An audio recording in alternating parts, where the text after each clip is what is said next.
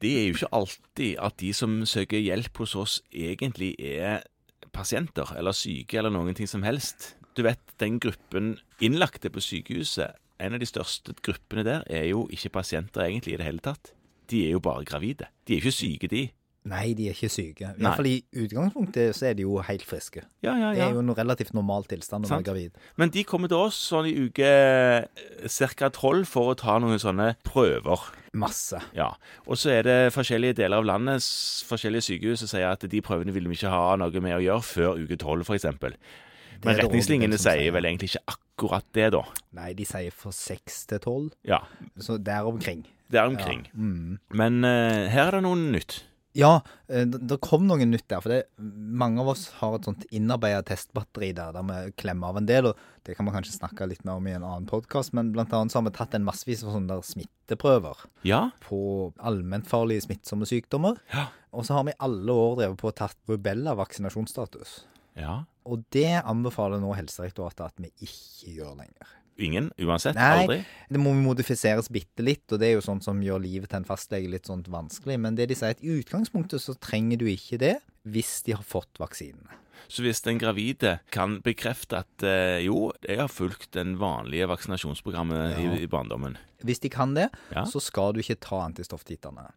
Nei. Fordi at bakgrunnen for det er at noen viser seg å ha litt lave eh, antistofftiter, selv om de har fått vaksinene. Og da er det ingen dokumentasjon som tyder på at vi trenger å revaksinere dem. Nei, så du sitter med et prøvesvar som du egentlig ikke trenger. Nei, og som egentlig genererer masse arbeid og bekymring. Ikke både for minst. deg og den gravide. Ja, som- du er kanskje ikke så bekymra. Det, det, det blir en arbeidsfordeling. Du får arbeide, og den gravide blir bekymra. Det er ofte sånn. Ja. Eh, men hvis de har tatt begge to, så trenger du ikke det. Da holder det å si at du er vaksinert. Og hvis du lurer på det, så kan du nå laste ned dette her fra Sysvak i Ja. de fleste journalsystemer. Så Ja. Bare klikker på en knapp, og så henter han inn. Tar gjerne litt tid, da, men han henter han inn hele vaksinasjonslisten på alt som er registrert.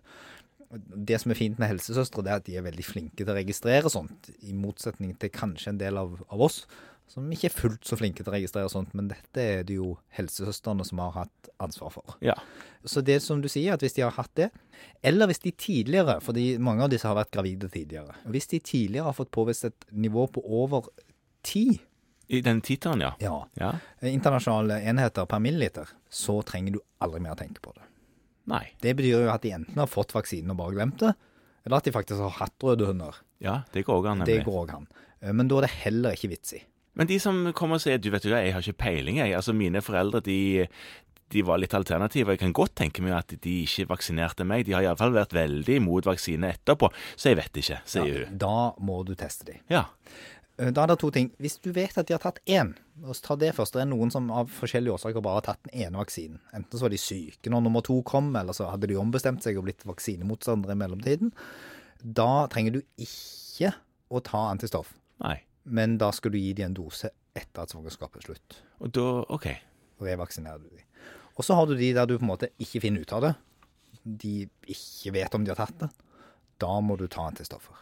Og da er det sånn at hvis det da viser seg at disse titer er over ti internasjonale enheter, så trenger du ikke gjøre noe mer. Nei. Hvis det er over fem, men under ti, Ja, mellom fem og ti, altså. så skal de ha én dose MMR. MMR ASAP Zulu eller etter svangerskapet? etter svangerskapet. Ja. Og hvis de har under fem, så er de jo nullvaksinerte. Og da tar du utgangspunkt i det. Da har de ikke fått vaksinen. Så da skal de ha begge dosene Da sine etter skal De svangerskapet? har begge dosene. Og når de så har vaksinert seg, Ja. med én eller to ekstra doser, så trenger du heller ikke teste det. For da vet du jo at de har Ja, tatt selvfølgelig. to. Ja. Selvfølgelig. Sånn at ikke sjekk om denne vaksinen funker ved å ta antistoffer. Nei. For da sitter man og klør seg i beste fall i hodet og lurer på hva i all verden gjør vi nå? Ja, ikke sant. Det andre som er nytt her, da, det er det at vi anbefaler, eller ikke vi, men, men Helsedirektoratet anbefaler nå at alle på denne første konsultasjonen skal ta hepatitt B.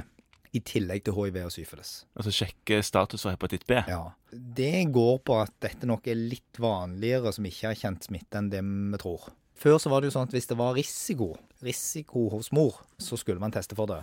Og så har det nok vist seg at det er ikke så lett å finne ut om det er risiko hos mor. Og noen av oss syns jo kanskje det er litt vanskelig å spørre de spørsmålene som avdekker om det er risiko hos mor. Mm. Og noen av de har kanskje lagt bak seg et liv der de, der de var utsatt for risiko og aldri testa seg. Ja, sant, De sitter der og jeg er gravid, og så ville ikke du Nå hadde vi det så gøy. Begynner du å snakke om Ja, og så eh, kanskje så glemmer rett og slett både du og mor at det har vært risiko for hepatitt B. Ikke sant? Eh, Og dette er tydeligvis da ifølge myndighetene våre såpass vanlig at de bare sier test for det, Ja, så Altså, du, sammen skal, med hiv og syfilis. så du tar den testen òg. Du tar den testen òg. Det som òg er viktig, er at hvis den gravide da klarer å utsette seg for hepatitt B-smitte under svangerskapet, så bør man reteste. Ok. Fordi at i utgangspunktet så blir ikke barnet smitta, men det kan bli det under fødsel. Ok, Eh, Så altså- hvis det er noen sprøyteulykker på jobb hvis du er en sykepleier, eller en eller annen form for risikoatferd som tilsier at du kan ha fått en hepatitt B, Ja. så sjekker du for det Før fødsel. før fødsel. OK, så rubella er på en måte ut, Ja. gitt de eh, unntakene vi nå snakket om. Mm. Og helt inn er hepatitt B ved Mm. siden av eh, syfilis og hiv. Ja.